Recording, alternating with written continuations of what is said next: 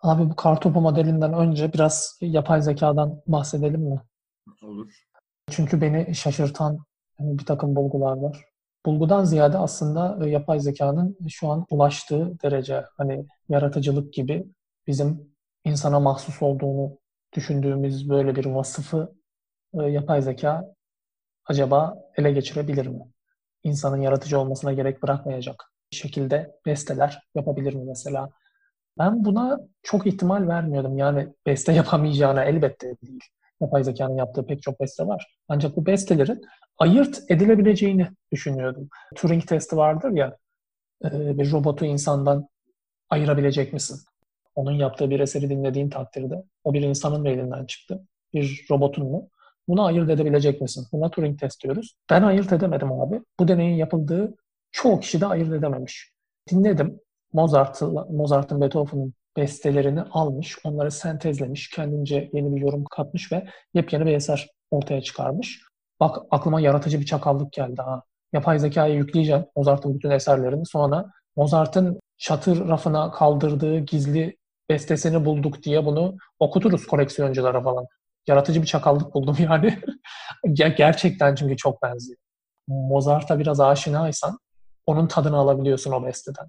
Turing testi geçiyor yani. Ayırt edemiyorsun. Şöyle söyleyeyim. Onun da şöyle bir sebebi var. Genelde bizim sanatçılardan tat almamızın sebebi kendine ait karakteristik bir çalma akışları olması. Ee, makine bunları kodlayabiliyor abi. Yani o adamın küçük yaptığı çarpmaları o kadar hızlı öğreniyor ki ya onlarca farklı bestekarın onlarca farklı eserini aynı anda zaten sistemine kaydettiği için farkları da görebiliyor ve kendisine ait karakterini çıkartabiliyor bir defa. Ee, bu şey gibi Hmm, müzik de bunu biraz yapabiliyor çünkü müzik biraz matematiğe dayanıyor bu noktada.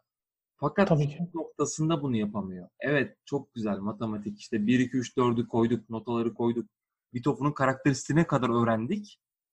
Ama Beethoven aslında çalarken orada bir akışı var. Yalnızca matematik üstünden dönmüyor bu. Duygusal bir akış da var içinde. Ve aslında o karakteri oluşturan şey duygusal akış.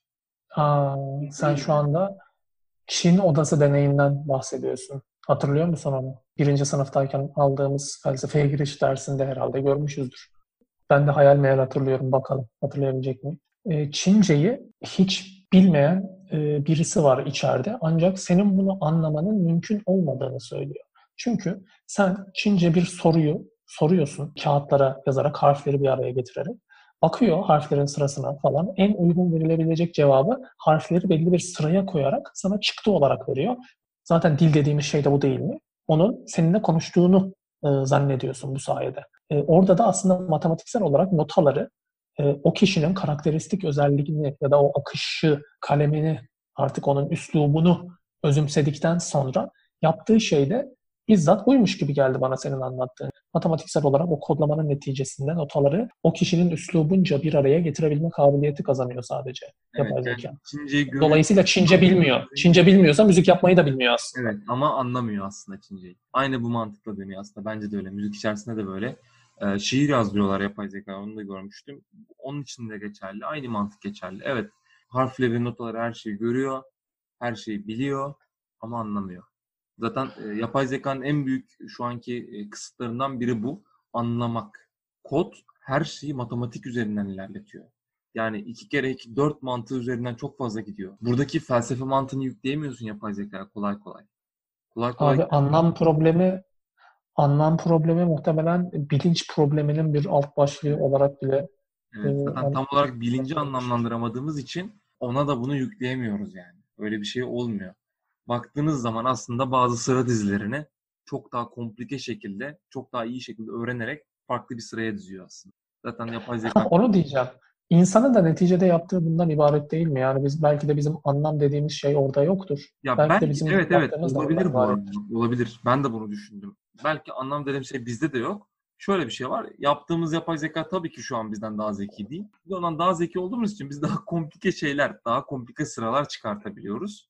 Ya sonuçta abi dil dediğin şey bile bir taklitten ibaret değil mi ya?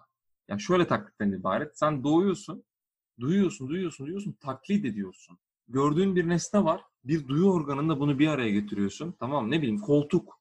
Bu bir nesne var burada. Ben buna koltuk diyorum.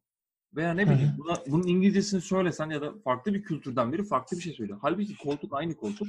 Hepimiz bir anlam atfediyoruz. Aslında taklit ediyoruz yani. Çok da farklı değil. Ya zaten dil öğrenme de bu sayede gelişiyor. Yani diğer insanların kurguladığı dünyaya adapte olasın diye e, konuşuyorsun. Konuşma kabiliyetine sahip olduğun için yepyeni bir dil geliştirmiyorsun neticede. Duyduğun sesler ilk bebeklikte anlamsız sesler çıkarma aşamasını geçtikten sonra yani çok zaman almıyor zaten senin ilk anlamlı kelimelerini söylemeye başlamak. Ee, ya taklit biraz insanın mah- yapmaya mahkum olduğu bir şey. Hatta taklit olmadan tahkik olmaz derler. Yani hakiki olarak bir yaratıcı üretimde bulunmanın yolunun da evvela taklitten geçtiğini söylemek lazım. İşte senin e, nörobilim örneğin gibi ya da iyi bir müzisyenin büyük isimleri bilmesi gerektiği gibi. Yapay zekaya dair beni şaşırtan, aslında şaşırtan demeyeyim, e, hayal kırıklığı yaşatan bir örnek var. Şiir yazdığını öğrenince bir yapay zekanın hevesle girip okudum ve hani neye uğradığımı şaşırdım. Gerçekten de abi bildiğin Çin odası deneyi budur yani kelimeleri almış, anlamsızca yan yana dizmiş, alt alta koymuş, adına da şiir demiş. Ya bu kadar mı hiçbir şey hissettiremez, bu kadar mı kifayetsiz, bu kadar mı yetersiz kalır, bu kadar mı kötü yazılır bir şiir? Bu arada henüz boynuz kulağa geçmediği için biraz burun kıvırıyor da olabilirim. Çünkü farklı alanlarda insanı geride bıraktı. O alanlara değinmek yerine e, şiir gibi hala büyük ölçüde insana mahsus bir alana değinmek hoşuma gidiyor da olabilir. Ancak gerçekten dürüst olduğumu düşünüyorum. Yani gerçekten çok kötü şiir yazıyor çünkü. Oku abi Deniz Yılmaz isminde bir yapay zeka geliştirmiş bir matematik mühendisi. En çok kullanılan isimleri kullanmış. Fotoğrafını da böyle birkaç yüz insanın yanılmıyorsam fotoğraflarının ortalamasını alarak bir resim oluşturmuş ve Posta Gazetesi gibi yerlere göndermeye başlamış. Ama hani okuduğum en kötü şiirlerdendi. Ee, ya belki ben şiir zevki çoktan rafine bir hale gelmiş ve uzun yıllardır çok fazla şiir okuyan bir insan olduğum için zor beğeniyor da olabilirim ama bilmiyorum yeni yeni yeni yetme bir e, şiir okuyucusu da bence ondan estetik bir haz almayı beceremezdi. Böyle bir şey var. Belki de çok iyi biz anlamıyoruz. Abi yok ya. Duygunanım üzerine döndüğü için sen bir şey hissediyorsan ondan aslında bu şiir iyiymiş diyorsun. Bir şey hissedemiyorsun. Mesela şöyle düşün. Shakespeare'in İngilizcesini okuyorsun abi. Belki İngilizcesini o kadar etkilemiyor veya farklı kültürden birini o kadar etkilemiyor. E bu Shakespeare dersi kılar mı? Şimdi şöyle. Yorum ve aşırı yorum dediğimiz bir hadise var. Ben demiyorum da Umberto'ya kalıyor. Yani sanat eserinin kişinin kendi kişisel süzgecinden geçmesinin ardından bağlamından koparılarak yepyeni bir anlam kazanması hadisesi. Şimdi bu anlam gerçekten orada mıdır? Yani ben sana kalkıp desem ki Hamlet Şam ağaçlarının nasıl fotosentez yaptığını anlatıyor aslında. Kimse de onun gerçek anlamını anlamıyor abi. İnsanlar Hamlet'te anlatılan hikayeyi çok yanlış anlamışlar. Orada babayla oğul arasındaki bir ilişki, o ihanet. Aslında böyle bir şey yok yani. Bunlar görünen yüzü arka planda aslında fotosentez hadisesini anlatıyor desem ya bana hadi lan oradan demez misin? Kimi eserleri artık o alanda yetkinlik kazanmış insanlar tarafından takdir edilebileceği belli ölçüm metotları çoktan yerleşmiştir. Ve sen o insanlar bunu takdir etmiyor diye onlar beni anlamıyorlar dersen e, biraz kendini kandırmış olursun. Demiyorum ki illa otoriterler tarafından tanınman gerekiyor. Ancak belli alanlar, işte bu verdiğimiz örnekte falan çok aşikar ya. Her atıp tutanı ciddiye alamayız. Veya onların yaratıcı olduğunu düşünüp bizim anlamıyor olabileceğimiz ihtimalini ciddiye alamayız. Dilersen geçeyim kartopu modeline. Evet yani çünkü benim aklıma başka bir şeyler geliyor. Spekülasyon oluşturabilir. Hiç oralara girmeyeyim. Ya bana göre hoş. Değinmek istersen buyur. Yok kardeşim çok şey yapmaya gerek yok. Sonra başka bir bölümde konuşuruz. Temkinli olalım diyorsun. Okey. Abi bu Harvard'la abimiz diyor ki yaratıcı insanları yaratıcı olmayanlardan ayıran altı temel kişilik özelliği var. Ya gerçekten de okuyunca evet diyorsun böyle olması gayet kulağa mantıklı geliyor. İlki bizim de zaten çokça değinmiş olduğumuz dağınıklık meselesi. Karmaşıklık karşısında, dağınıklık, düzensizlik karşısında yüksek düzeyde toleransa sahip olmak. Tabii toleranstan kastım yalnızca böyle tahammül edebiliyor olmaları değil, kendilerinin zaten doğal olarak dağınıklığı arzulayacak bir hayat tarzına sahip olmaları. E, hatta burada şey de var. Doğa kanunu olarak entropinin bir odanın maksimum entropiye ulaştığı takdirde e, daha fazla dağılamaması gibi bir hadise de var. Bunun şu şekilde yorumları da yapılıyor. Oda artık maksimum düzensizliğe ulaştığı için daha fazla dağılamaz. Dolayısıyla da bir noktada verimlilik artışını sağlamak durumunda kalır. Hani istesen de daha fazla dağıtamayacaksın. Artık dolayısıyla kendi içinde dağınıklıktan doğabilecek yegane düzen ortaya çıkıyor. Maksimum dağınıklık. Kendi içinde bir düzeni var belki diyemeyiz yani saçma paradoksal bir ifade olacak. Ancak o kişinin daha fazla dağıtması mümkün olmayınca o noktadan itibaren bir verimlilik artışı gösterebileceği şeklinde yorumlar da var. Tabii bu ilişkinin e, süreci nasıl cereyan ediyor bu çok iyi bilinmiyor. Dağınıklık, düzensizlik nasıl oluyor da yaratıcılığa mahal verebiliyor çok iyi bilinmiyor. Ancak arada ilişki olduğu kesin. Ya bu, bu doğru olabilir ha. Çünkü şöyle bir şey oluyor. Ben ben bunu yıllardır yaşıyorum. Toplayıp devamlı dağılıyor bir şeyler. Bir zaman sonra gerçekten de daha fazla dağılmıyor. Doğrusal olarak yükselmiyor. Bir yere kadar dağılıyor odanın içi. Ben bunu en çok yurt odasında fark ettim. Tabii odada herkes yaratıcı olduğu için. Herkes odada dağınık. Haliyle bakıyorsun. Evet bir zaman sonra gerçekten bir düzen oluşuyor abi. Çok mu dağınık? Hiç fark etmez. Çok dağınık olabilir. Ama sen artık bir şeyleri bir yerlere devamlı bulabilmeye başlıyorsun. Hatta şeyde vardır ya mesela sen evde dağınıksındır. İşte annen veya biri evi toplar. Biri toplar yani odayı. Toplandığı anda sen hiçbir şey bulamamaya başlarsın. Ee, ben bunu çok yaşıyorum yani. Benden farklı biri toplarsa benim odamı e, Tabii ki. ben bir şeyleri bulamıyorum. Eminim bunu herkes yaşamıştır. Evet. Birçok kişi yaşamıştır. Şimdi e, millet düşünüp şunu da yapmasın hani ya ben dağınığım hani benden de Picasso olur mu gibi düşünmesin. O kadar gaza gelmeye gerek yok. Bu bir tanesi yani hani. Tabii ki tabii ki. Hani nedensellik kurmuyoruz. Hele ki tek neden budur demiyoruz. Hani nedenselliği aslında deneye bakarak kurmak da bu arada mümkün. Hani bu pimpon masası deneyinde manipülasyon yapılması aslında dağınık odada bekletmenin daha yaratıcı çözümler ürettiğine dair e, gönül rahatlığıyla nedensel bir ilişki olduğunu söyleyebiliriz ama e, bu sonuçta tek bir deney. Yani bu aradaki ilişkilerin kuvveti ve bir aradalığı tek birine odaklanmaktan daha önemli. Yani bu altı özelliğin her birinden olabildiğince kendimizde kendimizde barındırmak bence daha önemli bir gaye olmalı. Ya, İkincisine geleyim. Doğru ama şimdi milletin de biz buradan hevesini kırmış olmayalım. Yani denemek isteyen denesin. Belki bir tane Picasso çıkar yani. Hani aynısı olmasına gerek yok. Yani sanat insanı çıkar yani. Denemekten vazgeçmemek lazım. Sanatın olayı biraz budur yani. Tabii ki canım. Buna taş koymak istemem. Zaten bunu teşvik etmek değil mi mesela hani risk almaktan, hata yapmaktan çekinmemenin ne kadar elzem olduğunu söyledik ya. Tabii ki denemek isteyen bu şey geliyor ya. Bu Leyla ile Mecnun'un bir bölümünde vardı ya. Kadının biri resim öğretmenine esir oluyor. Kadın yıllardır işte resim yapıyormuş da yapamıyormuş falan bir türlü. Hani sen diyor sen bu işi bırak bence diyor. Kendini heba etmiş kadın o yolda. Yani illa çok çalışırsam olur mantığı da yok yani bu işlerde. İşte kendisine söyleyecek bir Allah'ın kulu yokmuş ki. Senin yaptığın resimler bir alta benzemiyor diyor. Evet kimse bana söylemedi ki bunu diyor. Herkes destekledi devam etmemi söyledi diyor. Ya bu da böyle insana böyle de zarar veriyorlar bazen. İşte anlamlı bir geri dönüş alabileceğin, muhakeme kabiliyetine, değerlendirmesine güvenebileceğin insanların yorumunu alman lazım zaten. Buradan feedback'in ne kadar önemli olduğuna ve iş dünyasında çalışan arkadaşlara mutlaka feedback sistemine değer vermeleri gerektiğine inandığımızı. Sen kime laf sokuyorsun şu anda acaba iş yerindeki bilmiyorum. Hayır ya iş yerinde kimseye laf sokmuyorum ama çalışan arkadaşlar varsa gerçekten iş yerinde e, feedback denen şey çok değerlidir gelişim açısından. Ya bence her alanda böyle de. Haydi geçelim. Tamam. İki abi problem çözebilme kabiliyeti. Herkes problem çözer ama bu, bu insanların en başta doğru soruyu sorabildiklerini görüyorsun. Bunu da o süreçte bağ kurabilmelerine ve veri toplamalarına borçlular. Ee, ne kadar çok veri toplarlarsa o kadar çok bağlantı potansiyeli gelişiyor zihinde. Bu da bir problemi doğru şekilde tayin etme ve ardından da tayin ettikten sonra ona bir çözüm önerisi sunabilme imkanı tanıyor bu insanlara. Çünkü yanlış soruya doğru yanıt da vermek mümkün değil neticede. Yani doğru soruyu öncelikle üretebilmen gerekiyor. En başta ilk noktada zaten sorun yaşamıyor bu insanlar. Çünkü çoğunun birikimi gerçekten sağlam. Dolayısıyla da bağlantı kurabilecekleri çok fazla içeriye sahipler. Üçüncüsü abi zihinsel esneklik demiş. Zihinsel esneklik e, yani zihinsel katılığa karşıt olarak da kavrayabiliriz. Tek bir şeye, tek bir düzene bağlı kalmamak demek aslında. Yani zıtlıkları bir arada düşünebilmek. Ak mı kara mı diye değil de hani gri alanların da çok bolca bulunabileceğini aslında idrak edebilmek.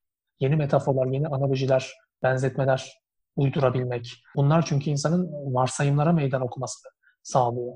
Söz gelimi Ford seyahatin ancak canlı varlıkların yapabileceği bir dünyayı eğer kabullenseydi, bu varsayıma meydan okumasaydı, zıtlığı zıt bir şey, yani cansız bir şeyin de hareket edebileceği, e, motor takılmış bir arabanın da gidebileceğini e, ihtimal veremeseydi, muhtemelen o yaratıcı fikir oradan doğmayacaktı.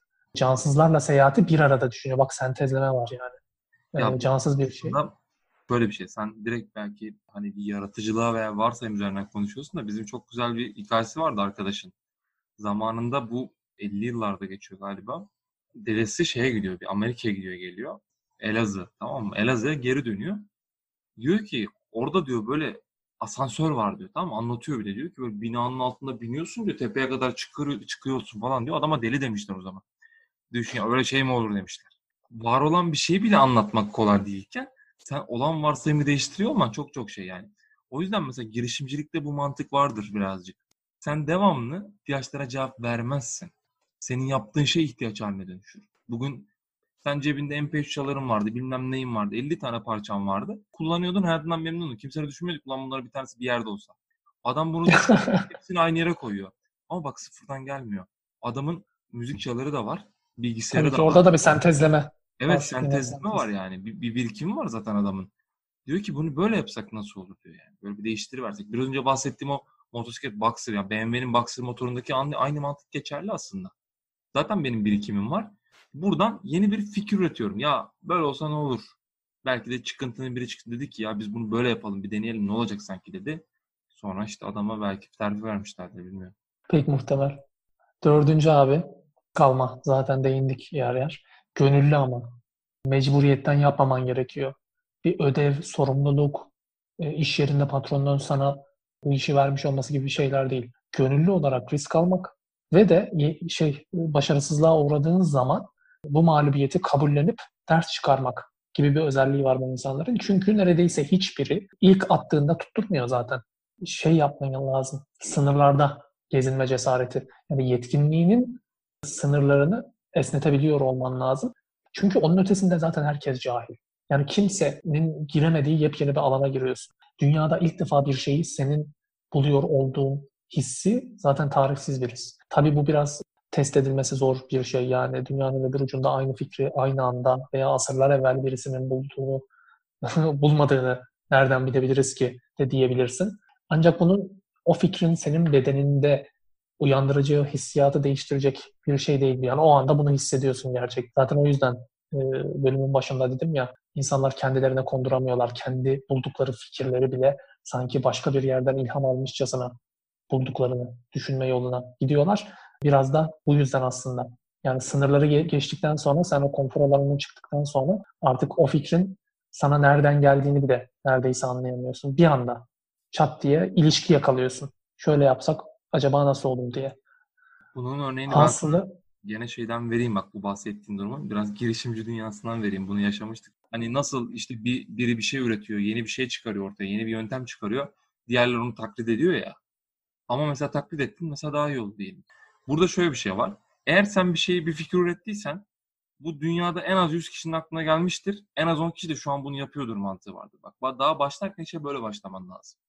İkinci nokta genelde böyle yatırım toplamaya çalışırsın. Bu fikri yapmak için tabii paraya ihtiyacın olur. Eğer çok niş bir iş yapıyorsan yani niş denen şey biraz daha özel yani pek olmayan bir iş yapıyorsan, bir fikir yapıyorsan bu konuda daha önce batmamışsan, deneyip batmamışsan genelde sana para vermez kimse. Standarttır ama bu. Yani Türkiye'de genelde böyle oluyor. Çünkü sen hiç batmamışsan adam der ki sen zaten deniyorsun şu anda. Benim paramı batıracaksın. Ama mesela birden fazla kez battıysan sen biraz daha batmayı öğrenmiş aslında bir şeyleri daha oturaklı gidiyor olursun. Ve daha fazla yatırım alma imkanı var. Amerika'da biraz daha ters işliyor. Onlar her şeye yatırım yapıyorlar. Batsa bile sen dene diyor. Tutarsa ikimiz de kazanırız diyor. Masa ben zaten 100 kişiye yatırım yaptım diyor. Bunlardan iki tanesi tutsa ben parayı kazanırım diyor adam. Tabii riskleri biraz dengeleme de var. Evet, risk dengeliyor. Türkiye'de fazla yapmıyorlar bunu. Öyle söyleyeyim sana. O yüzden girişimcilik... Girişimcilik namına zaten bizde çok az yenilikçi örnek var. Yani bizim ülkemizde muhtemelen senin çalıştığın şirket de buna dahildir. ondan daha büyük birkaç şirket de kesinlikle bu konuda emsalsiz değiller. Hepsinin ortak özelliği risksiz işlere girmeleridir. Büyük riskler almazlar. Ya Türkiye'de pazarda zaten iş yapmaz. Risk almasını gerektirecek bir şey de yok. Risk alıp da başarılı olursa onun meyvelerini toplayacağının siyasal olarak garantisi de yok. Hani niye böyle bir şey yapsın? Güvence. Amerika'da çok büyük bir güvence var. Ya fikri mülkiyet noktasında. Türkiye'de bir noktada çalınabilir ve sen e, hakkını alabileceğinin, adaletin yerine gelebileceğinin garantisi olmadığını bilmektesin. Dolayısıyla bu seni girişimcilikten daha en baştan alıkoyan nedenlerden biri. Hani genel olarak ekonomik ve siyasal iklim. Bak bu dedim, Ülke, hangi ülkede yaşadığın çok önemli o yüzden. Buna ekosistem diyorlar aslında çoğunlukla. Şu, geçen ben bunu nerede dinledim ya? Bir yerde dinlemiştim. Ya çocuk mesela Silikon Vadisi'ne gidiyor abi. Silikon Vadisi'nden veya işte diyelim ki çok fazla girişimcinin olduğu, girişimciliğin konuşulduğu, fikirlere destek verilen bir yeri düşün. Bu sadece Silikon Vadisi olmayabilir. Başka bir yerde olabilir. Diyor ki oranın havası zaten sana yeni bir şeyler düşündürtüyor diyor. Ama diyor ki ben İstanbul'a iniyorum. Böyle şeyler düşünemiyorum diyor. Daha sen orada belki takside başlıyorsun aklına bir şeyler gelmeye. Çünkü ekosistem zaten öyle. Ortam öyle. Sen evet, böyle bir ortam sağlayamıyorsan insanlardan fikir üretmelerini bekliyorsun bile. Adam eve ekmek götüreceğim derdine kardeşim ne işe ya? Üzülüyorum bazen de yapacak bir şey yok ya. Yani maalesef yani keşke elden bir şey kalsın. Elimden geleni yapıyorum da işte. Abi devam edeyim. Tehlikeli konulara giriyoruz. Beşinci madde.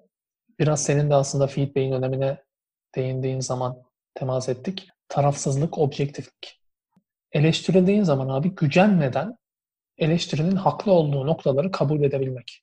Kendi yaptığın işe dışarıdan bakma fırsatı eline geçtiğinde onun kadrini, kıymetini bilebilmek aslında. Yani kendin tarafsız olamayabilirsin. Ancak bunlar sana sunulduğu zaman defansif olarak e, benim ayağımı kaydırmaya çalışıyor diye düşünmeden ciddiyet payesi vererek ona bir şans tanımak, gerçekten haklı olabileceği ihtimalini hep göz önünde bulundurmak. Bu da beşinci madde. Ekleyeceğim bir şey olmaması beni şaşırttı şu an. Şu an bir şey eklemedim yani bilmiyorum. Aslında bayağı bir şey ekledik. İşte oradan çıkarım yapılabilir. Altı abi zaten temas ettim ya içsel motivasyon dedik. Bir sorumluluk neticesinde o işle ilgilenmekten ziyade kendin gönüllü ve istekli olarak, kendinde bir amaç olarak, hani başka bir amaca giden bir araç olarak değil, yani maaş için, yüksek not için değil, kendinde bir amaç olarak yapıyorsan daha yaratıcı olabiliyorsun. Ki bununla ilgili deneyler de var. Birazdan değineceğim bir kısmına. Bu altısı arasında hani bir önem sırasına koymanın ben bayağı zor olduğunu düşünüyorum. Ama biraz ister istemez bu altıncı beni daha çok cezbediyor diğer beşinde. Yani zihinsel esneklik, o zıtlıkları bir arada düşünmek. Belki onu bire koyarım. Ama içsel motivasyonla kapışırlar gibime geliyor önem sıralamasında. Abi bence o en önemlilerinden biri ya. ya. Sen bir işe tutku duymuyorsan o işte yaratıcılık çok zor yani davranmak. Hani tabii bu iş derken e, burada herhangi bir meslekten bahsetmiyoruz sadece. Ne olursa olsun ya bu sanatsal üretim dalı olabilir. Veya benim bahsettiğim en başta bahsettiğim mantık var ya ekstrem sporlar işte motosiklete binmek olabilir bu işte daha yamaç paraşütü olabilir, başka bir şey olabilir. Sen bu işlere tutku duymuyorsan yaratıcılık geliştirme noktasında, ekstra bir şey koyma noktasında aslında baştan başlamıyorsun bile yani öyle söyleyeyim. Aynen öyle. Şimdi elimdeki bulgulara artık başlayabilirim. Hani şimdi diyeceksin şimdiye kadar anlattıkların neydi? Onlar e, giriş faslıydı diyeyim. Şimdi böyle daha ciddi, daha ağır başlı konunun hani can damarı diyebileceğim mecralara doğru akabiliriz yavaş yavaş. Kişilik özellikleriyle başlayabilirim aslında. Yani bu bizim Big Five dediğimiz özelliklerin. Onlar da yaratıcılıklarına... Bilmeyen var, bilmeyen var. Big Five nedir kardeş? Tabii, tabii. Yaratıcı... Yaratıcılıkta nasıl bir ilişkisi var? Tabii ki buna değineceğim. Big Five nedir? İlki ve de zaten beşi arasında en güçlü ilişkiyi gösteren yaratıcılıkla deneyime açıklık. Ki zaten bu altı maddenin hülasası şöyle bir serencamını çıkarsak, genel bir bakış atsak ister istemez yeniliğe açıklığın çok hayati bir özellik olduğu, yaratıcılık açısından vazgeçilmez olduğu yeni bir bilgi gibi dahi gelmez. Hiç şaşır, şaşıracak bir şey yok bunda. Diğer dördü ile yani dışa dönüklük, nörotiklik, ne diyeyim, agreeableness'ın Türkçesi mülayimlik mi diyeyim, ılımlılık belki. Bir de bu conscientiousness, tertiplilik, düzenlilik, çalışkanlık diyebiliriz. Bu dördü ile ben şey varsayardım, bu conscientiousness yani tertipli, düzenli, çalışkan olma halinin arada bir ilişki bulunamamış bir çalışmada. Bu beşinden yalnızca deneyimi açıklıkla orta düzeyde korelasyon göstermiş. Ancak başka bir çalışmada hem deneyimi açıklıkla yine benzer düzeyde bir ilişki var. Üstüne dışa dönüklükle zayıf da olsa bir ilişkisi bulunmuş yaratıcılığın. Benzer şekilde bir de e, bu conscientiousness yani tertipli düzenli olmayla, çalışkan olmayla da negatif, zayıf da olsa negatif bir ilişkisi bulunmuş ki dağınıklığın önemine değindiğimiz için belki conscientiousness'ı bir kenara koyabilirim. Ama dışa dönüklük neden yaratıcılıkla pozitif bir ilişki halinde zayıf da olsa? Bunun bir açıklaması bende yok. Evet ya bunu aslında sen buradayken de konuştuğumuzu hatırlıyorum. İçe dönük, dışa dönüklük. Yani sonuçta içe dönük insan da yaratıcı olabilir. Dışa dönüklüğün nasıl bir anlamlı bir etkisi nasıl olabilir ki burada diye düşünüyorum. Belki de buradaki yaratıcılık tanımına yaklaşımıyla alakalı olabilir o deneyim. Yani hangi açıdan yaklaşmış, yaratıcılığı neye göre değerlendirmiş. Bu açılardan belki farklılık gösteriyor olabilir ama bende de çok bir şey uyandırmadı açıkçası. Hani dinleyicilerden aklına gelen bir şey varsa yani neden dışa dönük bir insanla daha anlamlı bir ilişki çıkıyor? Yani neden dışa dönük insan daha yaratıcı olur?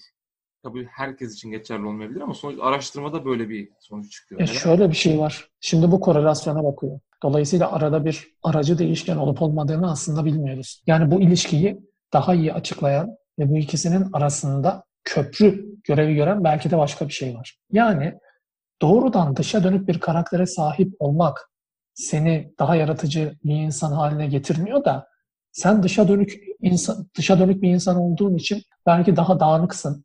Evini toplayacak vaktin yok. Evine giren çıkan insan o kadar fazla ki tertibini, düzenini sürdürmekte zorlanıyorsun. Atıyorum şu an tamamen uyduruyorum. Ve bu köprü vasıtasıyla yani senin dağınıklığın vasıtasıyla belki de çıktı olarak senin daha yaratıcı olman söz konusu olabiliyor. Bak bu arada burada şunu söyleyeceğim ben. Şu sebeple olabilir yani. Ben bunu varsayıyorum bu arada. Open to experience dedin ya bir hani deneyime açıklığın bir anlamlı bir ilişkisi var. Evet. Yaratıcılıkla. Ki bu Big Five içerisinde de ben hatırlıyorum. Ya bu deneyim açıklıkla aslında dışa dönüklük arasında da temel bir ilişki oluşabiliyor. Yani genel olarak dışa dönük bir insan deneyim açık olabiliyor ve deneyim açık bir insan dışa dönük insan olabiliyor. Bununla belki bir ilişki olabilir. Çünkü onda bile hani orta seviye dedin sen. Belki buradan hmm. bir e, ara neden olmuş olabilir. Yani Open to Experience'dan ne, ne derler ona? Nem almış yani. Oradan bir nem almış. Gayet makul. Ya bu ikisinin arasındaki korelasyona hiç bak ya bu beşinin kendi aralarındaki ilişkilere bakmadığım için buna bir şey diyemem ama muhte- muhtemel. Için ama orada muhtemel. Ki fena da bir kalem açıklamıyor. Bir de şu var. Zeka ile arada bir ilişki bulunamamış. Yani çok zeki insanların daha yaratıcı olacağına dair bir bulgu mevcut değil. Zeka ile yaratıcılık arasında bir ilişki bulunamamış. Bunu da bir sindirelim. ya şimdi şöyle, buradaki zeka da abi şey mantığı var. Hep bizde bu zeka genel olarak matematik ve sayısal zeka üzerinden hesap ediliyor ya. Şu hatta IQ, EQ. Bir de şimdi bu yıllarda artık EQ terimi çok ünlü oldu. İşte duygusal zeka mı diyorlar. Belki de duygusal zeka ile bir ilişkisi var ama ki çoğunlukla ölçüm testlerinde bu ölçülmediği için sayısal ölçümler yapıldığı için belki anlamlı bir korelasyon çıkmamış olabilir. Allah bilemiyorum abi. Şaşırdım şu an. Aynen yani şimdi elimizde bir bulgu yok bununla alakalı. O yüzden bir şey diyemiyorum. Makul söylediğin şey olası tabii. Ancak e, çok fazla araştırılabilecek şey var bu konuda. Ya, Yaratıcılığa dair yaratıcı çalışmalar yapılmış zaten. Ya bir kere şöyle ve hala yapılabilir. Yani neden bir tanım koyuyoruz diye. Tanımı koymasan yaratıcılık dediğin şey birazcık böyle soyut olarak havada kalıyor birazcık. Yani bir anlamlandırmak kolay olmuyor. Ya nedir yaratıcılık? İşte yapay zekayı konuştuk mesela. Yapay zeka ile ilişkisi nedir? Neden yapay zeka tam yaratıcı olamıyor? Veya bize hitap edemiyor bu konuda? Bu gibi şeyler var yani sonuçta. Abi ben bunun aşama aşama düzeleceğine inanıyorum bu arada. Ee, Deniz Yılmaz dedim ya bu çok kullanılan, en çok kullanılan iki ismi cinsiyetsiz bir şekilde bir araya getirip aşama aşama yazdığı şiiri geliştirdiğini söylemiştim yapay zekanın.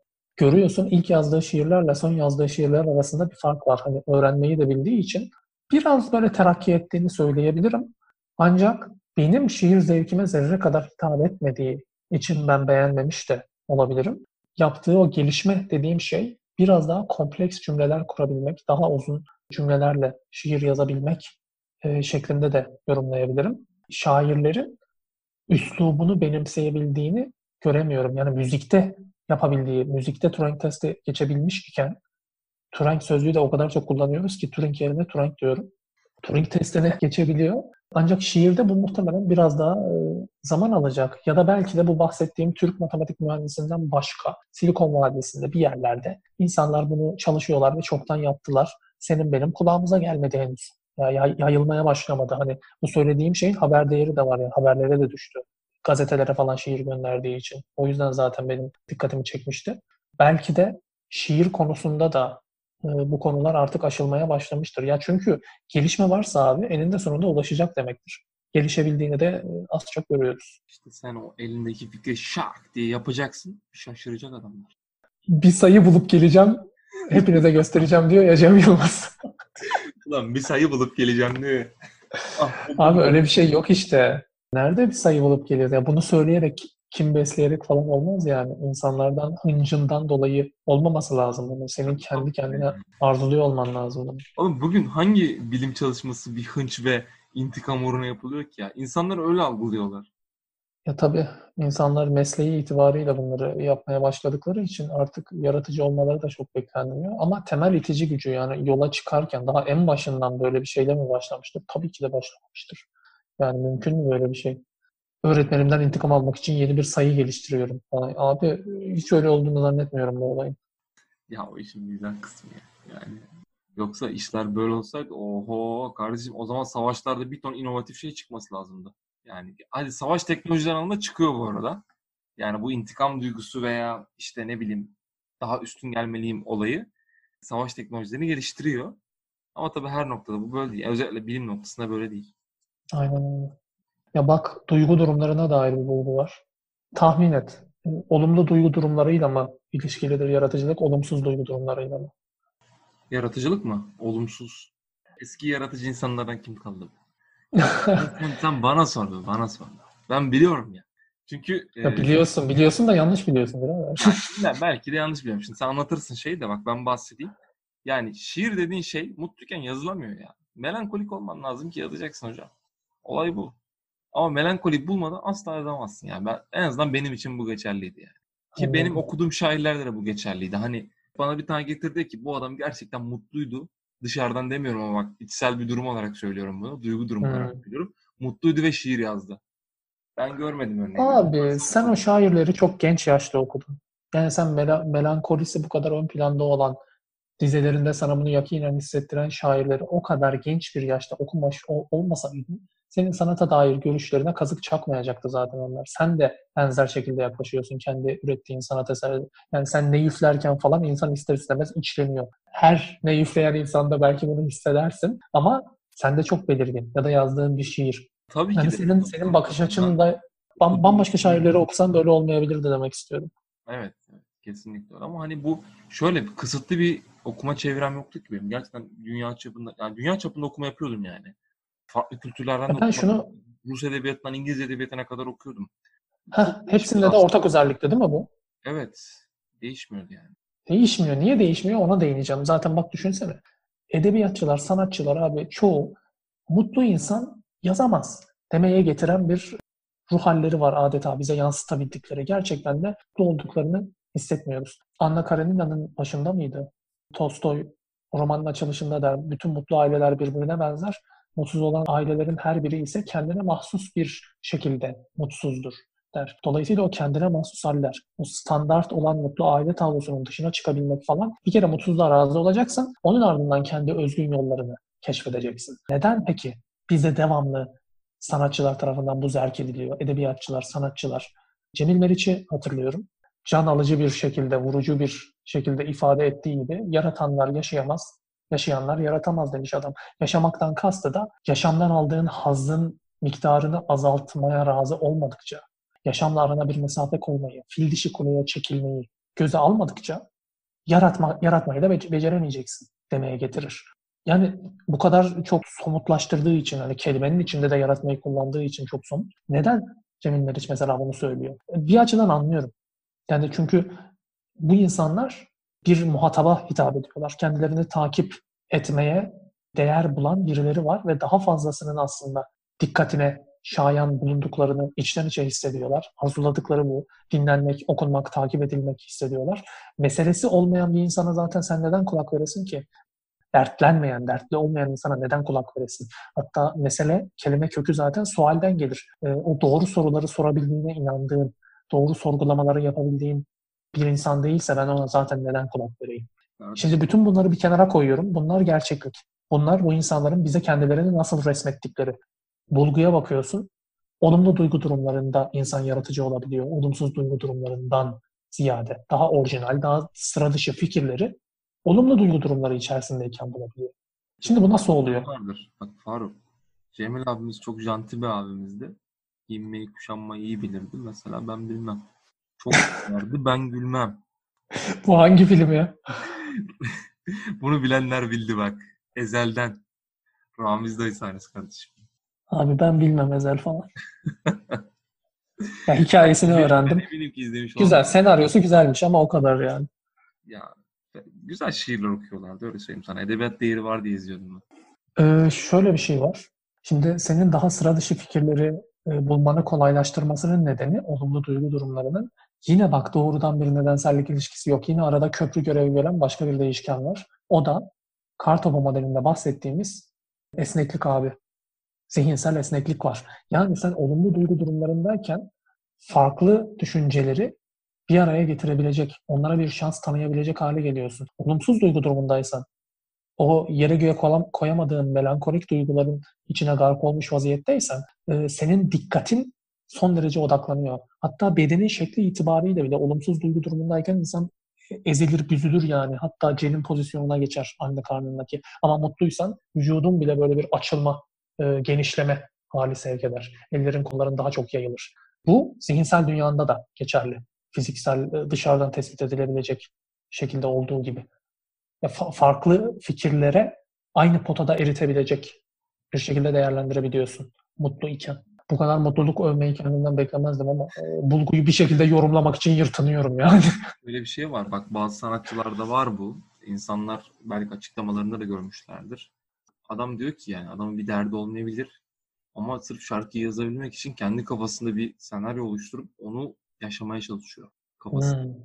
Ve onun üzerine şarkı yazıyor falan. E, tabii bu her zaman melankoli üstüne olmayabilir ama e, bunun çok örneği var. Yani birden fazla örneği var. Yani kendini ee, ama şöyle düşün. sokmaya çalışıyor ama gene bu durum melankoli veya üzüntüye denk geliyor yani. Mutluluğa değil mi? Bu insanın muhatap kitlesi, dinleyicileri 51 dertten muzdarip olan insanlar veya o dertten geçmişte muzdarip oldukları için o duygu durumuna çok rahat girebilecek insanlar. Hmm. Sen bir müzisyensin diyelim, bir beste yapacaksın, aldın eline gitarı. Ne yapacaksın abi? Bir romantik ilişkiye dair bir şeyler yazman genelde senden bekleniyor ve e, muhataplarının miktarının yüksek olmasını istiyorsan da oradan yürümen lazım.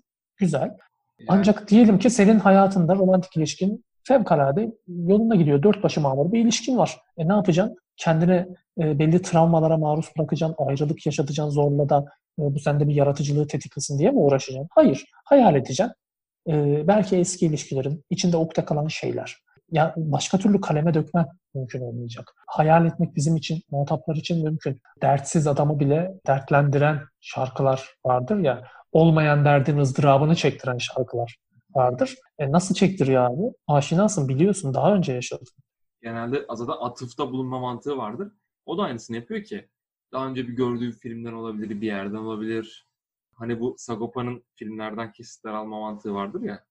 Hı-hı. Aslında bak ben eminim yazdığı şarkıların da izlediği filmlerden etkileri var. Hani bu şey vardır ya 24 saat acımasızca geçip giden zamandan geriye kalan sadece yalnızlık. Sadece evet sadece yalnızlık.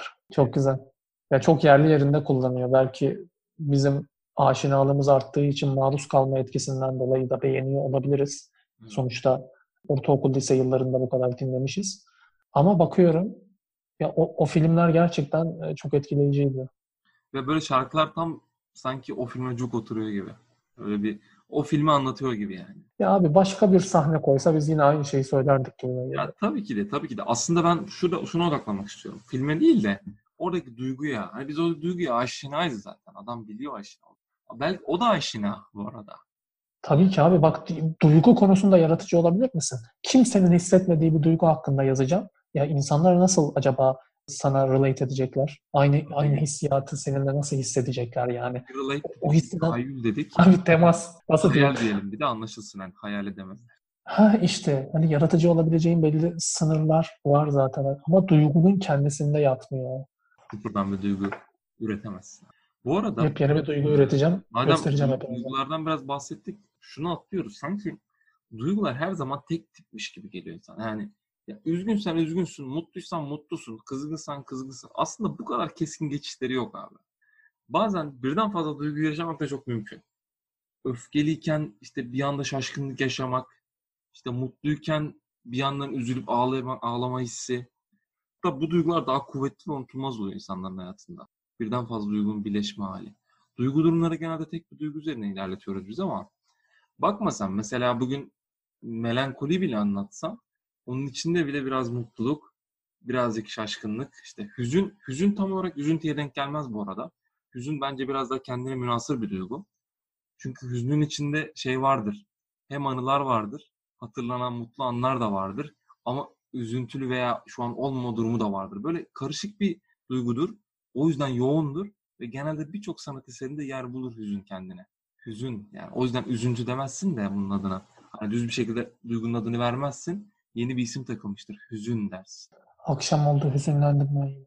Evet. Hüznün içinde bak oradaki hüznü bakar mısın adamın anlattığına? Adam şeyi hatırlıyor. Eski zamanlarda orada güzel oturdukları şeyleri. Anılar ona güzel şeyler hissettiriyor. Ama şu an olmamasından da duyduğu bir üzüntü var. Veya işte sevgilisinin veya işte arkadaşının orada olmamasından duyduğu. İki duygunun bir, bir şey var aslında. Hem bir çatışması hem birleşmesi var ortada. Ya müthiş komplike bir duygudur hüzün. Değerlidir. Herkes hissedemez. Yani gerçekten hissetmek değerlidir hüzünü. Ama abi işte dil dediğimiz şeyi kullanmaya mahkum olduğumuz için hani dille bunu ifade etmenin zorunluluğu e, Zor. onu tek bir kelimeye indirgemek durumunda bırakıyor seni ve sen diyorsun olumlu duygu, iyi hissediyorum, kötü hissediyorum, üzgünüm. Mesela olumsuz duygu durumlarını bunun kadar sık hangi kelimeyle herhalde ifade ediyoruzdur bilmiyorum. Üzgünlük, olumsuz duygu durumları arasındaki ayrımlara da çok haiz değiliz. Hani bunun önemli olmadığını söyleyebilirsin Bak, ama gerçi sen söylemezsin. Ama bu bence çok önemli. O kelimeleri bilmiyorsan farklı farklı şeyleri hissetmiyorsun çünkü. Hissediyorsun en başta ancak onun adını koymayı beceremediğin noktada o his seninle olan bağlarını kopuruyor. Yani şey bilim ve sanat değer verilmediği yerde durmaz diye bir laf vardır ya. O hisler de kendisinin karşılığını bulamadığı, dilde karşılığını bulamadığı kişilerden el ayak çekerek terki diyar eğiliyorlar yani sende kalmıyorlar ve sen sadece üzgünlük hissetmeye başlıyorsun ondan sonra. Mesela ben Çünkü o varyasyonun farkında değilsin. Duygudan bahsetmek istiyorum bir duygudan. Benim hayatta çok nadir hissettiğim ama çok değerli, benim için çok değerli olan, böyle tam olarak bir yere sığdıramadığım bir duygu. Sadece durumu anlatacağım. Duyguya bir isim veremiyorum çünkü. Diyelim ki böyle bir hüzünlenmişsin, bir melankoli halindesin. İşte bir şarkıdan olmuş olabilir, farklı bir şeyden olmuş olabilir. Başladın yazmaya. Tabii soyut alemlerde geziyorsun, somutu soyutlaştırıyorsun. Ya böyle kafandaki düşünce dağınıklığında dans ediyorsun. Ben buna raks etmek derdim hep. Böyle dans etmek. Dans ediyorsun ve kağıda bir şeyler döküyorsun veya müzik olarak bir şeyler üretiyorsun. Bunun sonucunda böyle kalbine tatlı bir his doğuyor tamam mı? Seni o geren bütün hisler ya da hüzünlendiğin bütün şeyler, hüzün diyeyim artık ona, bir yok oluyor ve tatlı bir his olmaya başlıyor. Bu mutluluk gibi değil bu. Böyle sanki her şey tamammış gibi bir his. Hayatta her şey tamammış. Yani bu üretmenin verdiği haz mıdır, başka bir şey midir tam bilmiyorum ama ne mutluluğa benziyor ne diğer hislere benziyor. Bunu yani çok sayılı belki hissetmişimdir. Ama bu nirvana'ya ulaşma hali gibi bir şey öyle söyleyeyim sana. İçsel bir nirvana'ya ulaşma hali gibi. Meditasyonda da hissediliyor galiba böyle bir şey. Doğru aslında evet. E çünkü meditasyon yaparken de sen aslında dikkatini zihninden alıp bedenine veriyorsun. E, yaratıcı potansiyelini gerçekleştirdiğin noktada da adeta artık zihnin en azından bilinç dediğimiz o kısım senin vücudunda var olan bitenlerin çok azını ancak e, ayırdına varabildiğin o kısmın zaten farkında olmadığı bir şekilde cereyan etmesinden ötürü biraz ona benzettim. Yani Yani süreç itibariyle. Huzur diyebilirler. Yani böyle bir isim takmaya çalışabilirler ama değil. Huzurun ben ne olduğunu biliyorum aklımda. Bu gerçekten farklı bir his. Bunu dediğim gibi yani unique, benzersiz bir his derler ya. Bu, ben bunu yaşadım, kendim yaşadığım için demiyorum. Böyle bir his var yani. Sadece benim hissettiğim bir şey değil bu. İnsanların bu hissedebildiği bir duygu ama gerçekten nadir hissedilen bir duygu. Bu da genelde bir üretim, ortaya bir şey koyduğun zaman gerçekleşen bir şey. Bir zanaat da olabilir bu arada bu. Veya meditasyondan bahsettik. Meditasyon da olabilir. Hani mindfulness'tan bahsedip duruyoruz kaç bölümdür. Farkındalık, farkındalığı arttırabilme. Bunun sonucunda genel olarak ortaya çıkan bir şey. Bu da bence duyguların bir birleşimi ama hangi duyguların da tam ona şey veremiyorum. Çünkü gerçekten öyle bir an ki bunun ne olduğunu bile sormuyorsun yani. Böyle her şey tamammış gibi. Ya çok çok acayip bir his. Kesinlikle kelimelere dökemeyeceğim bir şey. Neyse. Böyle bir his işte. En azından bahsetmiş olduk. Yani evet. Buna dair ciddi bir yorumda bulunamasak bile senin bunun farkında olman aslında kafi belki senin için. Evet. Ben biliyorum ya.